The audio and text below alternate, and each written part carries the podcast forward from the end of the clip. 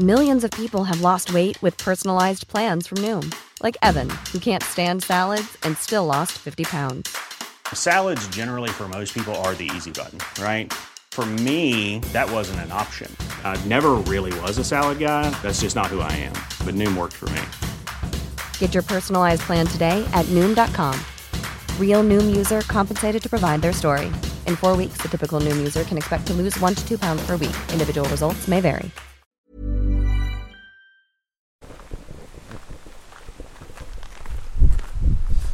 Nå er vi på vei inn i en eh, gammel bunkers her. Velkommen til Bodø bunkermuseum, står det. Vi får vel bunke oss inn her.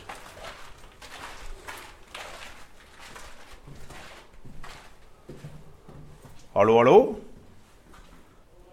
En inngang. Hei, hei. Velkommen hit.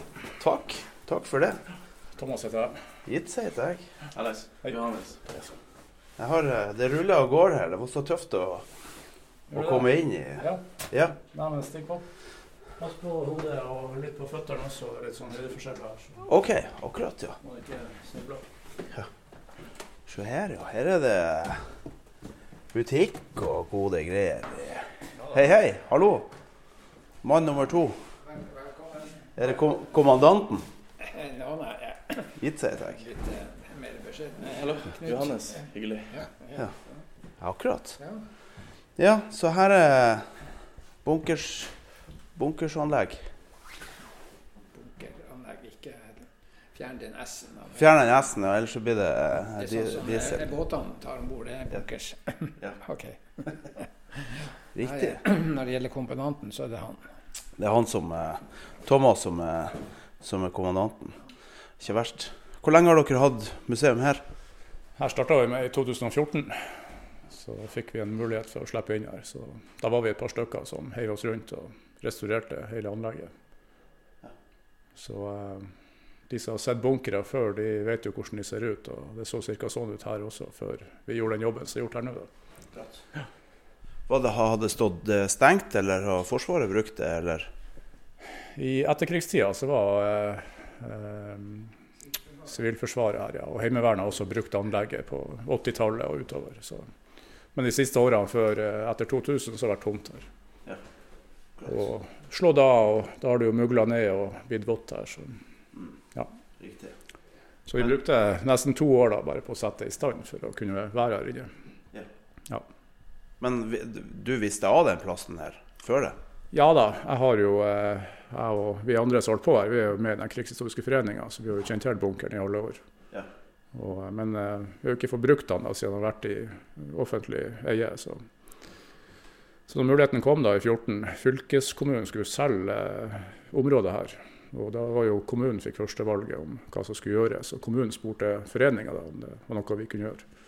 Så da sa vi jo ja over natta. Så da starta vi med dette prosjektet. Så den, den eh, krigshistoriske foreninga, er det for hele Bodø, eller er det større eller mindre? Ja, Eller? ja, det er for Bodø, ja. Ja. Mm. Har dere flere sånne anlegg sånn som dette? Nei, ikke som er pussa opp i den standen her. Det, men vi tar vare på en del av de andre og har omvisninger på dem. Men det er ikke gjort noe annet enn å rydde, for å si det sånn, og holde det tilgjengelig. Ja. Mm. Når er dette anlegget bygd? Jeg ble bygd i vinteren eh, 43-44, så påbegynt i høsten 43. Og ferdig på vårparten i 44. Det var ganske seint. Ja, det var det. Men uh, de fleste av disse anleggene er bygd på slutten. Dette er jo en, uh, det er en stor bunker. Han er jo bombe- og gassikker. Det er jo 2,5 meter tjukke vegger i det rommet vi er nå. Så en del av den forsterkningsplanen som kom i midten av krigen, det var, skulle disse anleggene eh, bygges. Så, Hva var grunnen til, eh, til at de, de bygde de her anleggene? alle hadde jo forskjellige formål. Dette var jo en sendestasjon for flyplassen. Så eh, i det rommet vi står i nå, så var det jo radiosendere. Og ut, utenfor var det en stor antennepark. Så det var jo flytrafikken da, som gikk via dette utstyret. Så her er jo en kommunikasjonsbunker.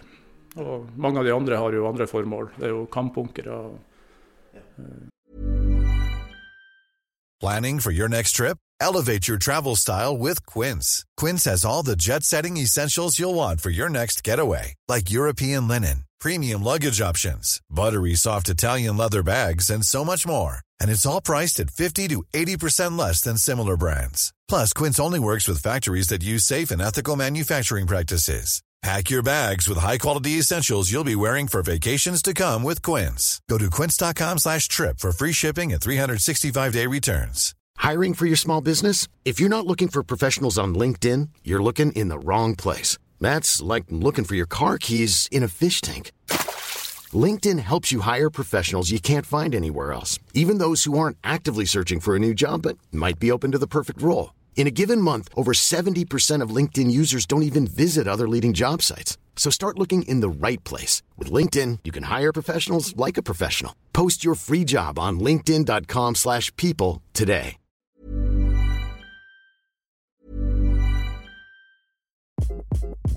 Hi, this is Craig Robinson from Ways to Win, and support for this podcast comes from Invesco QQQ, the official ETF of the NCAA. Invesco QQQ is proud to sponsor this episode, and even prouder to provide access to innovation for the last 25 years. Basketball has had innovations over the years too. We're seeing the game played in new ways every day. Learn more at Invesco.com slash QQQ. Let's rethink possibility. Invesco Distributors, Inc. Mannskapsbunkere, ammunisjonslagre. Ja, diverse. Beredskapsanlegg. Ja. For det var jo ikke her de hadde den daglige driften. Det var gjerne i brakker og sånt. Øvde det gjorde de jo her for å sjekke at alt fungerte. Og ble det en krigssituasjon, så måtte de trekke inn i disse forsterka anleggene, selvfølgelig. Og at eh, man begynte seint med den utbygginga, det hadde selvfølgelig sammenheng med krigens gang. Eh, de allierte gjorde jo stadig landgangsforsøk, og selvfølgelig i 44 var jo den store invasjonen. Så. Og det var jo ting som eh, trigger at det var nødt til å tenke annerledes og, og, og forsterke ting hvis man skulle ha en sjanse for å stå imot det som kom fra alliert side. Så. Det var jo hovedgrunnen, selvfølgelig. Var det noe um, sterk bekymring for at det skulle komme i land styrker her? Det var det jo. Og det var jo en av um, Churchills eh, planer. Ja. Å gi nålestikk til de okkuperte områdene. Sånn at um, det bandt ting, styrker her, da. Og uh, vi vet jo at uh, Hitler hadde jo en idé om at det var i Norge at invasjonen ville komme. da. Og det var jo allierte raid utover krigen som eh, fikk tyskerne til å tro at det var tilfellet. Så, eh, så det var jo dette strategiske spillet mellom begge partene, som, som førte til bl.a. dette her. Var det noe, var noe raid her i Bodø-området? Det var det. Hovedsakelig eh, fly fra hangarskip. Men det var jo for å gi no disse nålestikkene, særlig mot eh, den eh, skipstrafikken som gikk nordover til ishavsfronten. Eh, for å ja, hindre at den kom frem i, i grad. Så. så det var jo Ellers eh, når det gjaldt bakkeraid, det var jo eh, et par Lofotraid 41. Og så har vi jo det store raidet i eh, Glomfjorden i høsten 42. Som eh, tok, eh, satte ut eh, aluminiumsproduksjonen der. ikke sant? Så, Muskedunde. Muskedønne, ja. Og det var, jo, det var jo det som var hele planen med å bygge opp SOE, altså den organisasjonen, med agenter og kommandosoldater som skulle inn ja, og ta ut eh, viktig infrastruktur. Og, og samtidig selvfølgelig sørge for at eh, tyskerne visste at eh, de, var veldig sikre her. Hvordan, hvordan så Bodø by ut i 1943? Ja, stort sett ruiner.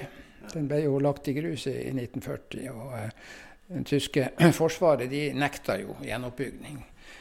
Eh, hovedsakelig pga. Eh, forsvaret av havna, som var et viktig forsvarsobjekt for å kunne ta inn forsyninger og, og styrker. De ville ikke ha den sivile oppbygninga? Nei, fordi at det ville forstyrre. De bygde jo en kjede av disse første eh, forsterka bunkerne i, i 42 for å forsvare havna. Klart Hvis man har bygd opp hus, så vil jo det ha dekket utsynet fra, fra de forskjellige stillingene. og sånn, så det var Sånn var jo Bodø. Så det som skjedde da av viktige ting, det skjedde jo egentlig rundt det som var gamle Bodø. Mest i, i nabokommunen, Bodin, som jo var intakt, og, og hvor eh, stor del av områdets befolkning bodde da i fortsettelsen. Så, så sentrum lå brakk helt til krigen var slutt.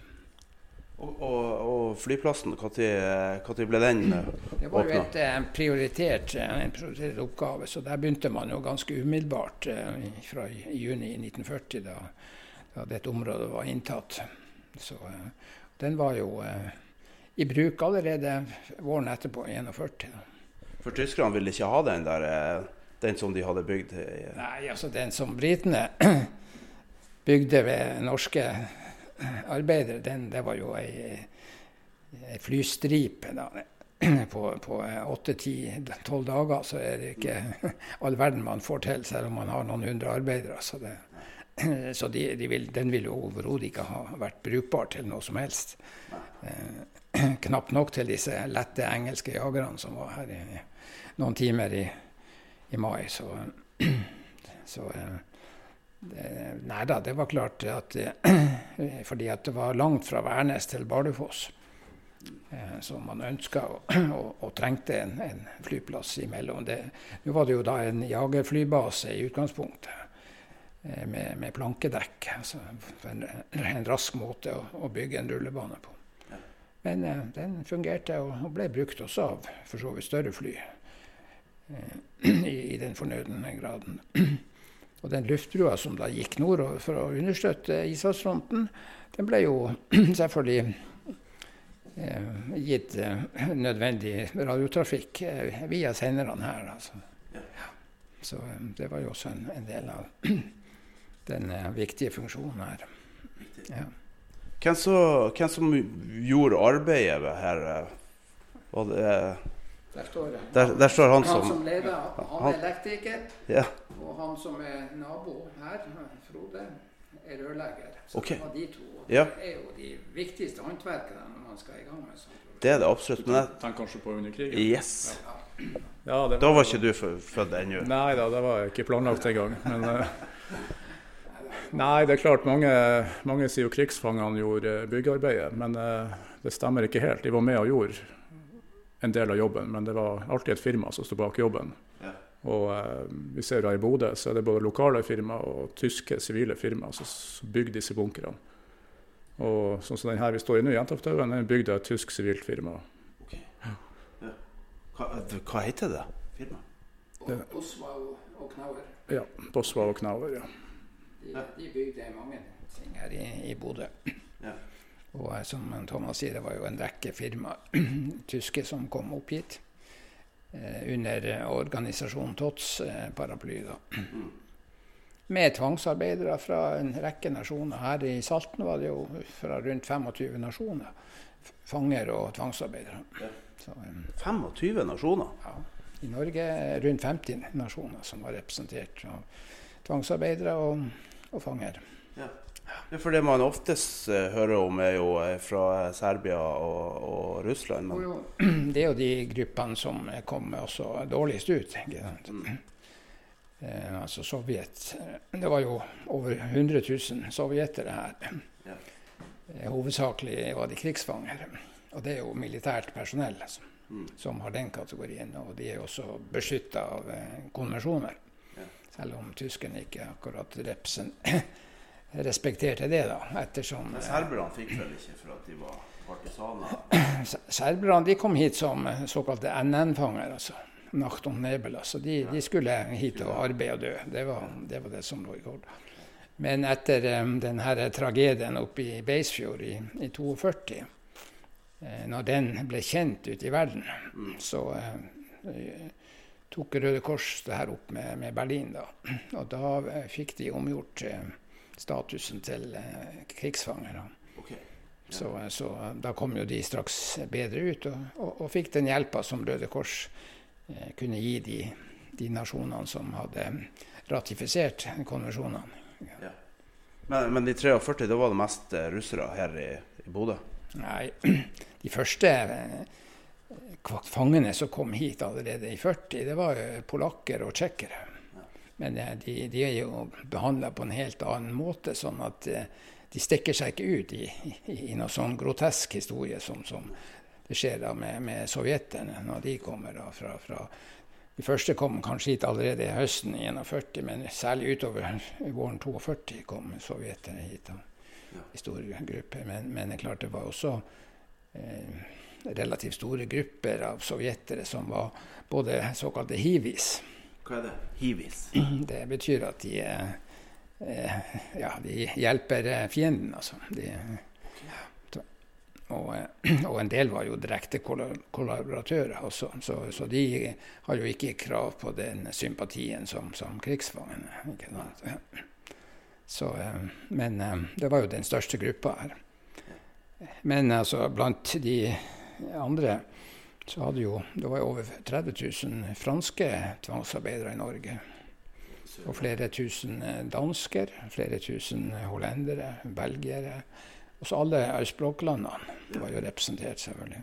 Og de var jo tatt som tvangsarbeidere. Så det er jo selvfølgelig et spørsmål om hva slags tvang. Hvis alternativet er at du blir skutt, eller at du blir eh, satt i, i, fengsel, så er det kanskje sånn at mange heller da drar på tvangsarbeid. Eh, for de hadde tross alt en bedre status, og de ble jo lønna tvangsarbeidere. Østarbeidere, var ikke det de kalte det? Det var jo gjerne det tyskerne sjøl kalte det. Ja. Ja, I Finnmarka var det jo eh, pensjonister og barn og damer. og Var det samme her? De tok jo hele samfunnet vårt ned til unger. ikke sant? Så, så eh, det var jo også helt grusomt. Særlig ukrainere da, og armenerne og disse. Fordi de så jo på tyskerne som befriere når de inntok eh, landet.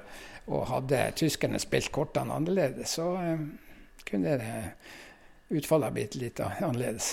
Mm. Så, men ja, vi får nå bare være glad i dag at det gikk som det gikk. kan vi se litt i, ja, i bunkersen? Se. Her er det butikk. Her har vi en liten butikk. I, det som var mannskapsrommet i bunkeren. Ja. Så de hadde muligheter til å, til å, ligge her? Ja da, det var jo beredskapsanlegg, og disse ble jo bemanna ved en alarmsituasjon. da, Så her er jo sengeplasser til seks stykker i denne bunkeren. Og vi har jo listene fra frigjøringa, der står det jo at det var åtte stykker som var stasjonert her ved behov. Ja. Å, og det er jo teknisk personell for å betjene dette sendeutstyret. Så de satt jo og, og prata med en annen plass. Men, uh, så det var jo rent teknisk, en teknisk bunker. Så her har vi jo sengeplasser, og sitteplasser, Ja, ja, del personlig skap og sånn for å ha klær i. Ja, så var det jo alltid kanskje to mann som passa utstyret, mens de andre kunne sove hvis man holdt på over lengre tid. ikke sant? For her hadde man jo også forsyninger til å overleve. Og egen brønn og så videre. Så og jeg hadde vann inne? Ja, det er brønn med pumpe. Så hadde de jo selvfølgelig generator, sånn at de hadde strøm også. Så eh, de kunne klare seg over i hvert fall et par uker. i hvert fall. Det, hadde de forskansa seg her under frigjøringa, eller forlot de frivillig? Nei, altså tyskerne opptrådte stort sett veldig disiplinert under frigjøringa. Det var enkelte eh, tilløp. Eh, basert på selvfølgelig at det var lett fra, fra den andre siden å provosere litt når de hadde tapt og sånn. Eh, og, og, en kombinasjon av alkohol og sånn, men, men, stort sett så, så oppførte de seg vel nokså disiplinært. I hvert fall soldater generelt, altså. Eh, det var jo andre, selvfølgelig, politi og SS og sånt, som selvfølgelig var ja, gjorde andre ting som selvfølgelig ikke var like bra som og, og de stakk jo. Altså, det tyske politiet de hadde jo ordre om å stikke seg bort skifte uniform og, og så videre. Så. Men eh, stort sett eh, ble de jo tatt etter hvert, da. Så. Men, men, det er klart det var jo et stort uh, apparat med alle disse um, Ja, det var jo bortimot 400 500 000 tyskere som skulle skrines, og før de eventuelt da begynte å sende det hjem når det var mulighet til det. da. Så det var ikke så helt enkelt for de som skulle håndtere dette. Nei. Fra norsk side i hvert fall ikke, men nå klart, nå kom jo britene. Vi var jo vi var jo faktisk okkupert av britene et halvt år, ja. frem til 1.12. Det snakkes ikke så mye Nei, altså man så det jo selvfølgelig ikke sånn. fordi at eh, da var krigen over eh, for vår del. Men, men, vi var ikke oss sjøl før, før 1.12. Altså at vi kunne eh, Så britene de håndterte jo alt av det som var av etterlatenskap. Sånn krigsbytte. Da. Vi, vi, fikk jo bare en liten bit som Siden vi hadde offisielt valgt den sida i krigen. Men uh, det er jo også interessant at vi underskrev jo aldri en alliansepakt med, med, England. Det, det, det, det eneste landet vi underskrev en alliansepakt med, det var Sovjet. Og det var i august i 44. Så. Men altså, vi skrev jo under avtaler i og med at uh, våre væpna styrker skulle underlegges det britiske systemet osv. Så videre. så sånn sett, så Men vi fikk ja, bits and pieces, som man sier.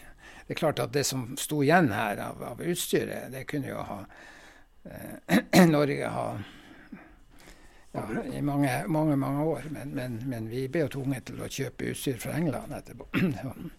Blant annet eh, fly. Så, for de flyene vi hadde med oss hjem fra krigen, de måtte jo tilbakeleveres. For det var engelsk eh, materiell. Og så måtte vi kjøpe utstyr hos dem. Inntil vi ble Nato-medlemmer. Da ble jo situasjonen en annen. Hvor mange, hvor mange, tyskere var det her under eh, krigen, på det meste, her i Bodø? når jeg får et sånt spørsmål, så spør jeg gjerne hva slags dag snakker vi da om. Ja, det, men på det meste? altså, Antallet varierte, ja. avhengig av hva slags avdelinger som var her og situasjonen. Men uh, ut fra det vi har av uh, dokumentasjon, så kan vi vel uh, snakke om en 6000-7000 her i Bodø. Altså, og da snakker vi gjerne om to soldater per sivile. da. Selv om en god del av de sivile var fortsatt evakuert. Så det, det, var jo hverdagen her. I Finnmark var det jo ti til én, kanskje, i, ja, ja. i, i Ranger. Og alt etter hvilken dag. Ja. jo da, det, det, er, det, er jo sant at det er jo et tall som varierer.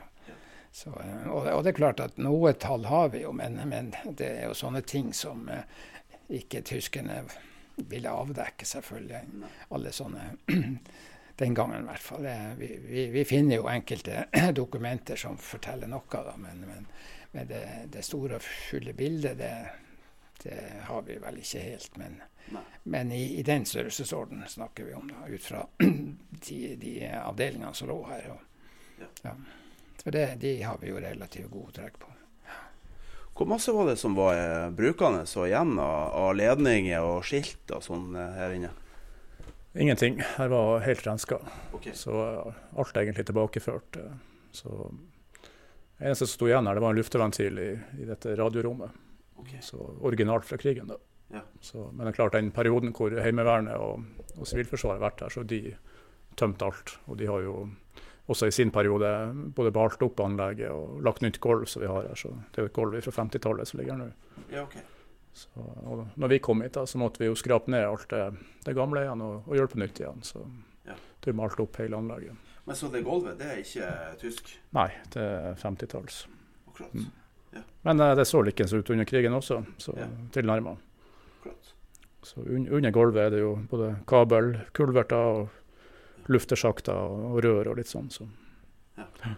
Og den de her um, skrivingene og der det står alarmvekker og det, Hvordan visste du eller dere hvor, det sto henne? Ja, nei, det, Mye av det her er jo på sin originale plass, eh, telefoner og sånn. For bolter står igjen, så det kjenner man igjen. Og, Ja. og vi har, har jo en del dokumentasjon på dette også. Og det var jo samtidig veldig standard også i, i disse anleggene. Okay. Dette er jo en standardisert bunker. Så det finnes tre av i Norge, så vi vet om det. Og Hvor er de to andre? en ligger på Ørlandet og en på Kjevik. Okay. Så, og hadde samme funksjon da. Så tilknytta til, til, til flytrafikk, de to andre òg, da?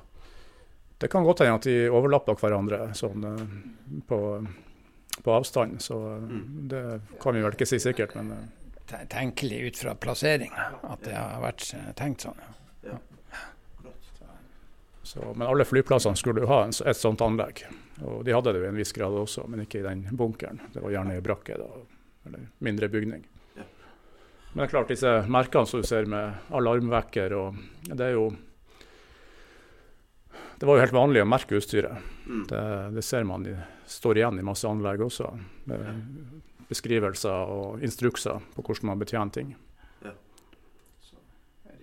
Bilder, bilder hvor du kan se også på Ja, for dere har funnet bilder, liksom?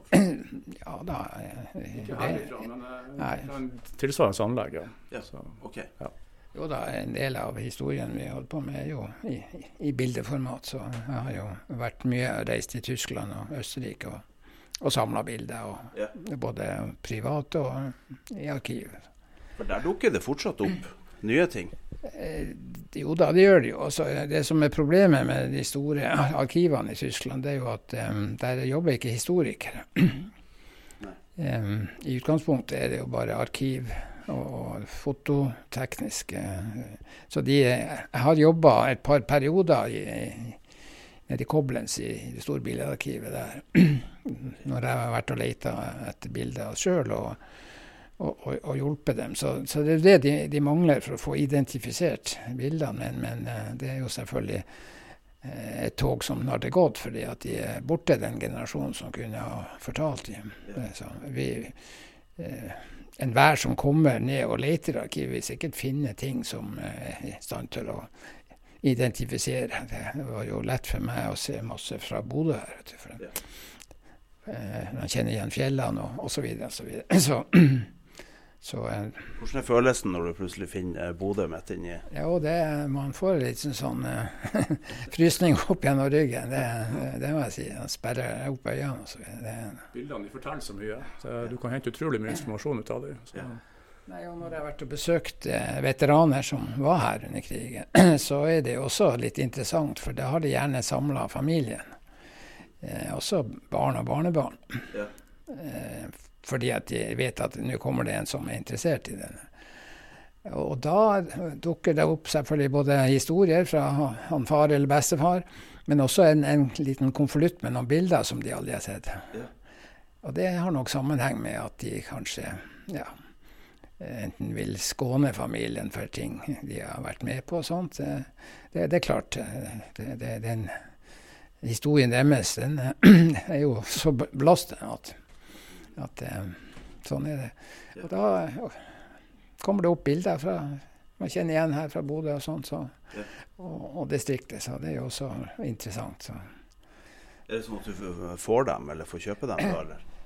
Som regel så eh, Noen har jeg fått, og andre har jeg lånt og har fotografert og så returnert osv. Ja. Men vi ser jo i dag at disse fotoalbumene de, de legges jo ut nå på, på nettet. Mm. Og det er jo ofte andre som kanskje gjør det. Altså at de, over, de familiene eller etterkommerne overlater til et eller annet firma. Som, yeah. Og de, ja, de tjener jo penger på det. og Ofte så får du ikke kjøpt hele albuen. Du får, de selger bare bilde for bilde. og sånn. Så, det, så vi har jo fått noen Ja, da, vi har funnet ganske mange bilder fra Bodø som er merka bare med Norvegen, eller eh, Ja. kanskje, kanskje ingenting. Og så ser vi jo at OK, det her er jo i Bodø. Ja. Så det er jo litt artig. Mm, så man må jo følge litt med. Kan vi gå lenger inn og se? Du, hvor, eh, våpnene og utstyret og sånn, er, det- er det sånn som dere har samla i ettertid, selvfølgelig? Ja, vi har, For det var eh, ingenting som sto her. av Ingenting dette. sto her, så eh, noe er jo gaver vi har fått. og ja, Noen få ting har vi kjøpt, og så noe er jo tatt ifra Så foreninga hadde i samlinga si, da. Og her har vi jo f.eks. et gassrenseanlegg som står på veggen. Det står jo sine originale bolter, men det var også tatt bort herifra. Så Det er for å rense lufta i tilfelle eh, gassangrep eller kjemiske stridsmidler ute. Okay. Det er også standard i disse anleggene. Og Dette er jo henta fra et fjellanlegg inne på det som er militært område i dag, på flyplassen. Så er det jo restaurert da. Ja. Så, Så de hadde det stående der? Ja, det var, det var vanlig i alle sånne anlegg. Så, Ja. så her er vi vifte fra 1940, og så er motor fra 41. Og eh, det er jo restaurert. Her var jo vanligvis håndsveiva håndsveiver, da, ikke sant? fordi vi hadde jo gjerne ikke strøm i, i alle anlegg. Nei. Men eh, denne motoren den har jo Går som en klokke i dag.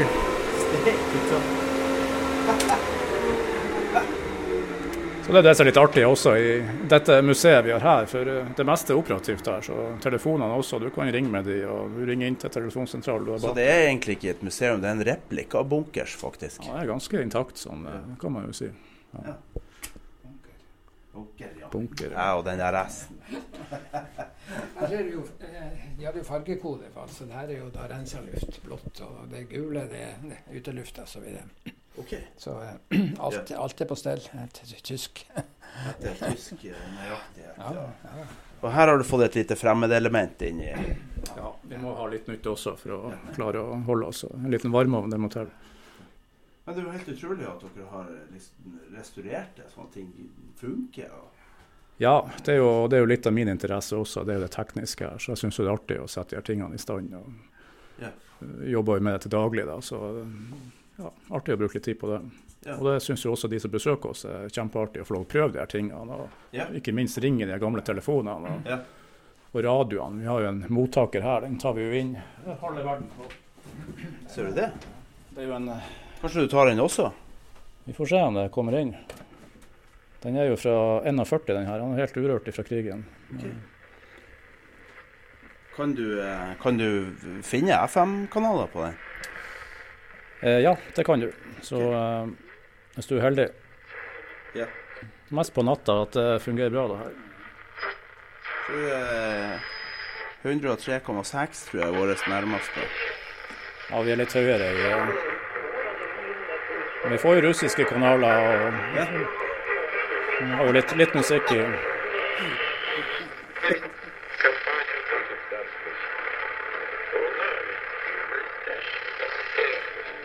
Er også fra er Kina eller Asia. altså det Ja.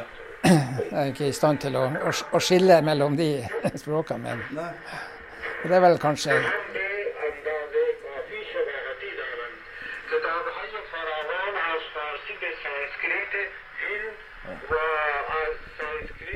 Det der, jeg tror det hørtes ut som noen fra Senja. Og litt lenger nord, ja. Hallo, Heime. Hallo, heime! Den- Sånn sto jo her. Hva er det for noe? Sendte, sendte signal til, eh, navigasjonssignal til flyene. Ok. Sånn tre bokstaver som, som eh, man for så vidt bruker fortsatt. Sånn at når du da får utslag, så vet du at da har du, er du passert akkurat over eller stasjonen her. da. Ja. Akkurat. 100 watt sender. Akkurat samme stod der opprinnelig. Og Gøring har dere her òg. Ja. Med. Ja, fordi at eh, sambandet var jo underlagt han, altså det luftsambandet. Altså. Ja. Så eh, det har vi jo ei, ei bok som jo forteller den historien, hvor de da forteller at ja, over, over sambandsutstyret så var, sto Gøring, han Gøring, ikke sant. Okay. Vi har jo bilder av Hitler i, i andre rommet der, og, og det er klart at i alle tyske messer og, og sånne ting, så, så skal det jo, skulle det jo være det. Uansett eh, hva slags eh, syn man hadde på denne despoten. Ja. Fordi at det er klart at det prøver jeg jo å forklare mine offiserskollegaer. Eh, Det dilemmaet de hadde. ikke sant? De kjempa for sitt land, men de måtte også kjempe for, for han. Det, det er også ikke sant? Det er litt av det vi opplever nå i Ukraina. Mm. Det er mye enklere å motivere seg å, og være forsvareren. ikke sant? Ja.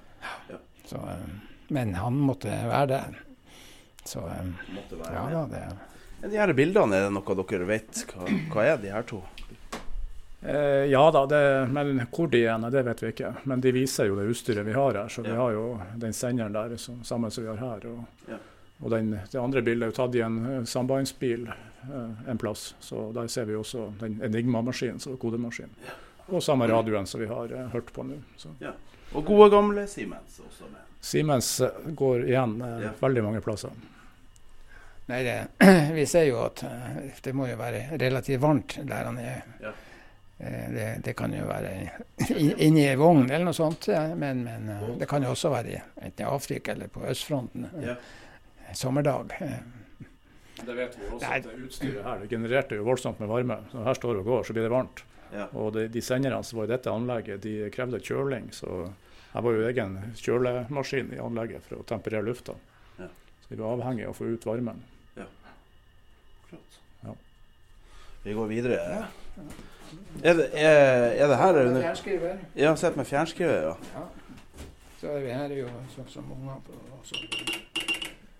Akkurat. Det, det tyske fonetiske alfabetet er jo litt annerledes enn ja, det, det ty- tyske fonetiske alfabetet. Riktig. Kan du prøve å sveive på telefonen du har der? Den her Ja. må du holde For du er intervjuer. Nei, ja, så Så vrir du rundt på her, det på sentralbordet. Og sent- sentralbordet her, hvor du har ti, ti linjer. Ja, akkurat. Der sitter en operatør og kobler det her videre. Så til den du ønsker å Det prate er med. der du må få Berlin, eller hvor den er. Berlin, Berlin, Obersturmforbyrer. Akkurat, ja. Å ja, så her satt de eh, og switcha. Ja, og ser du også på veggen det står 'Aktung, find hurt mitt'. Det er jo noe som står alle plasser hvor du har et uh, samband. Og det er Hva jo, betyr det? Det betyr jo at uh, kanskje fienden lytter på det du sier. Så Forsiktig, fin uh, lytter. Ikke, ikke avslør for mye. Det har, vi, det har vi jo i Forsvaret i dag. Det er egne sånne står også. Ja. Du snakker hvem lytter? Ja, det står på stort sett alle telefonplasser. Ja. Og det her, hva det betyr? Det er en uh, indikasjon eh, til soldaten at uh, i den retninga så vil du finne en telefon eller telefonsentral. Så, Ja. eh, Sambandspost. Det var flott. Så disse var- Fane.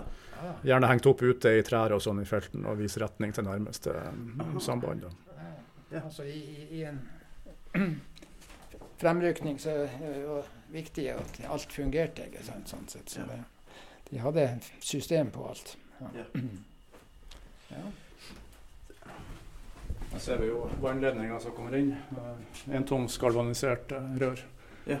Som er fordelt ut da, til disse slusene og inn til kjøle-varmeveksleren og også vannkjølt der inne. Og hva er det? Der skulle det stått en ventil. Det har vi ikke fått tak i ennå, men det en overtrykksventil. Å, ja, disse bunkrene hadde jo et overtrykk innvendig. Ja. Det var jo også en måte å unngå at det kommer gass inn. Så eh, da har du disse overtrykksbjellene hvor lufta går ut av anlegget. Ja. Så du vil, vil aldri få luft inn der. Ja, Riktig. Men de her dørene, det, det, er, er de originale, eller de er fra 50-tallet? De er originale. Den har stått der originalt, ja. Ja. Ja. Og ei alarmklokke du har over der, det er jo en, en kraftig sak. Den her den sto faktisk i, eh, i leira i Bogen, hvor Tirpitz var en periode. Så den kommer derifra. Ja, Akkurat. Vi ser i disse inngangspartiene, her har vi et blått lys. Det er også en detalj i alle sånne anlegg hvor du skal ha blått lys i inngangspartiet for å skjule, inngangen i, når det er mørkt ute. Er, det- er, det, er, det, er det flere innganger? For det var ikke her vi kom fra. To innganger. Ja. Så det var, skulle være 15 watts blå lyspærer i, Ja. i samtlige inngangspartier. Ja. Da ser du også bak den 1943, den originale teksten som var over døra der. OK. Så vidt det vises. Ja. Det her var jo maskinrom da, med aggregater. Det Da har jo vi valgt å ikke ta med, eh, for det ville fylt hele rommet sannsynligvis. Så med alle de gjenstandene så har vi laga et generelt utstillingsrom her. Ja. Ja. Riktig. Og med ei sånn feltstilling vi har her, det er jo også en type bølgeblekkbunker som var enkel å sette opp. Ja. Og kunne bygge den så lang du ville, og så dekte du over med jord og stein på det der. Og litt betong, kanskje. Hvor stor eh, Hvor mye trøkk kunne den tåle? Nei, det var ikke mye. Det var, de var gjerne de, helt feltmessig, de der. mest mot splinter og sånn. Ja,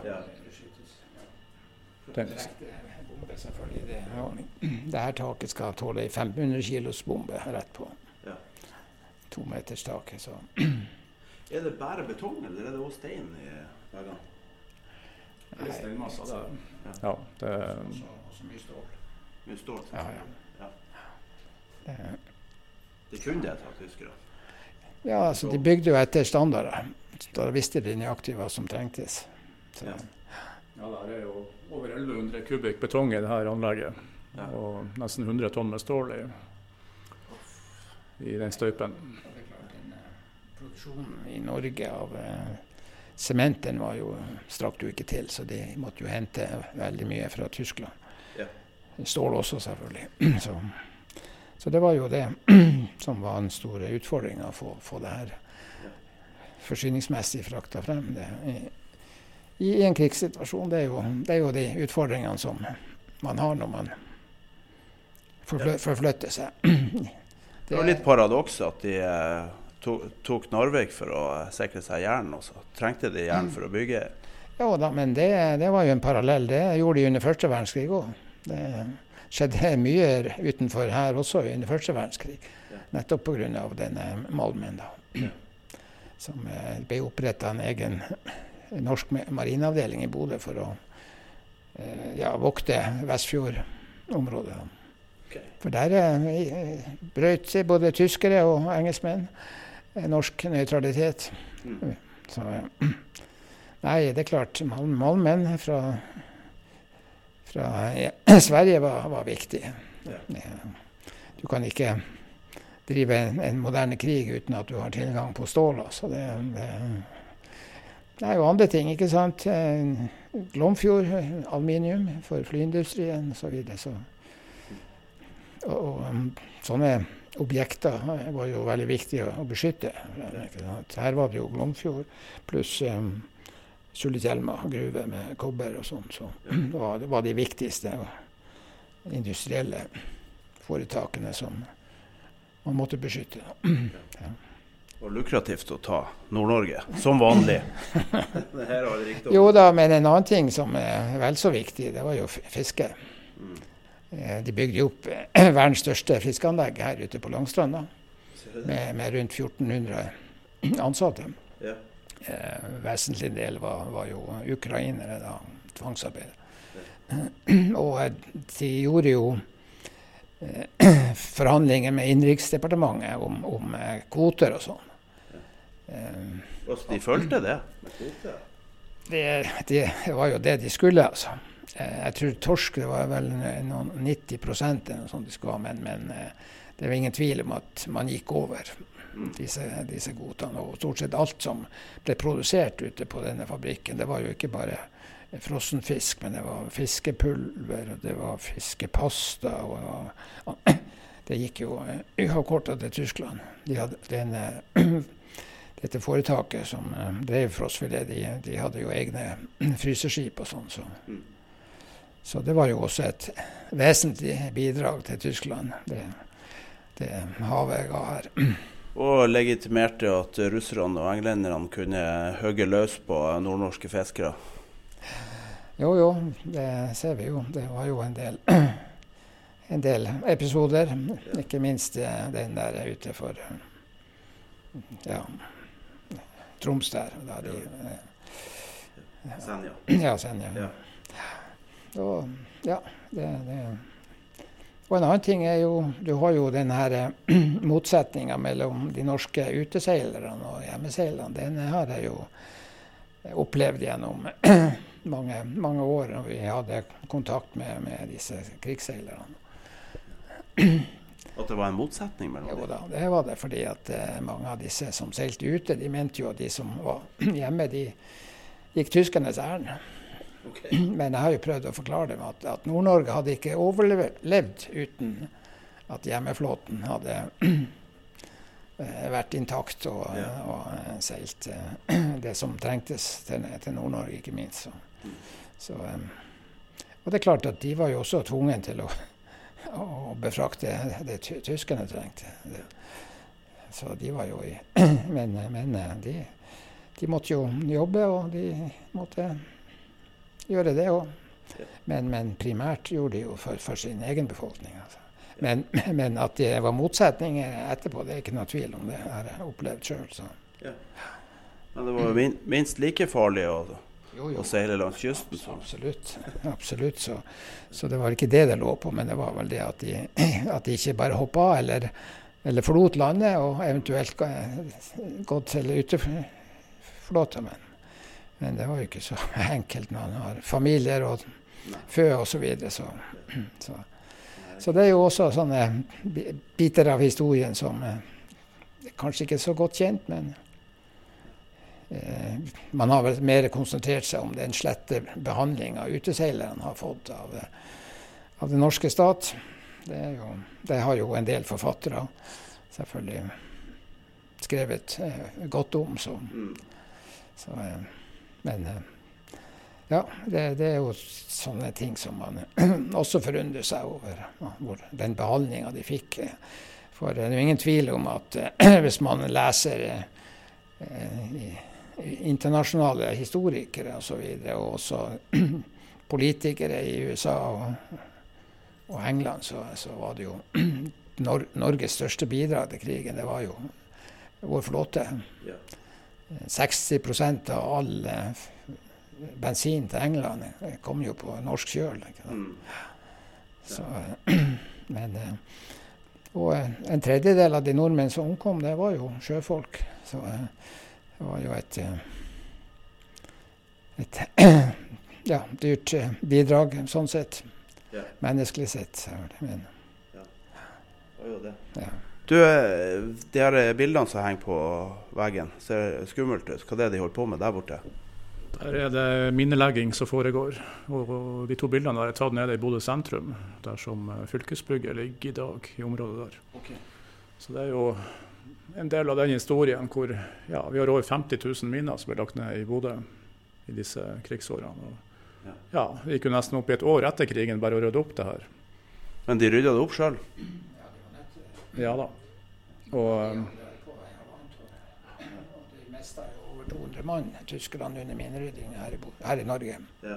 det var vanlige menige som ble satt til å Ja, altså, det er klart at eh, en sånn eh, farlig jobb, det er jo fagfolk som gjør det, pionerene. Altså.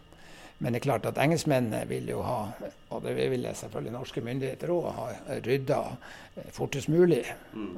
Og da var man nødt til å sette inn vanlige soldater, som selvfølgelig ikke hadde den fornødne kunnskapen, og, og kanskje tok litt lett på ting, kanskje. Eh, Så det var store Vi hadde jo ei stor minneulykke her hvor det gikk elleve stykker. da. Både tyskere, et par norske soldater, tre norske soldater og en brite. Ja. Fordi at Britene de forlangte gjerne at når de hadde erklært et område for ferdig rydda, at de skulle stille opp en avdeling og marsjere frem og tilbake for å bevise at det var rydda. Og det var det ikke i dette tilfellet. Og det skjedde også andre steder. Så. Så det var jo også Og i strid med folkeretten så satte man jo også inn eh, medlemmer av NS eh, til å gjøre ting som man ikke hadde forutsetning for. Så det var også tragiske ulykker knytta til det. Så. Det var noe susing her. litt trekk i ventilasjonsanlegget. Ja, det blåser vel relativt frisk ut. Ja. Nei, men det var inter interessant. eh, Har vi vært gjennom alle rommene? Nå har vi sett det lille anlegget, ja. Ja. Jeg ser det jo det sambands... Altså en sånn avdeling. Ja. Jeg gjorde med og kabellegging og også kabler i bakken. Det var jo merka med disse her eh, spesielle merkesteinene. ja. Klart. Det er også en del av det. På veggen der har du en av de fosforbombene som satte Bodø i brann. Ja. Riktig. Den var ikke større enn som så. Nei. Det lå i container, altså vi ser på det bildet her, det var ca. 300 stykker i en sånn container, så gikk samtidig da. Ok. De tok jo først systematisk eh, og bomba veinettet for å ta vannforsyninga. Og så strødde de ut tusenvis av sånne. Og det er klart en sånn trebebyggelse som Bodø var, det var ikke så veldig vanskelig å sette i brann.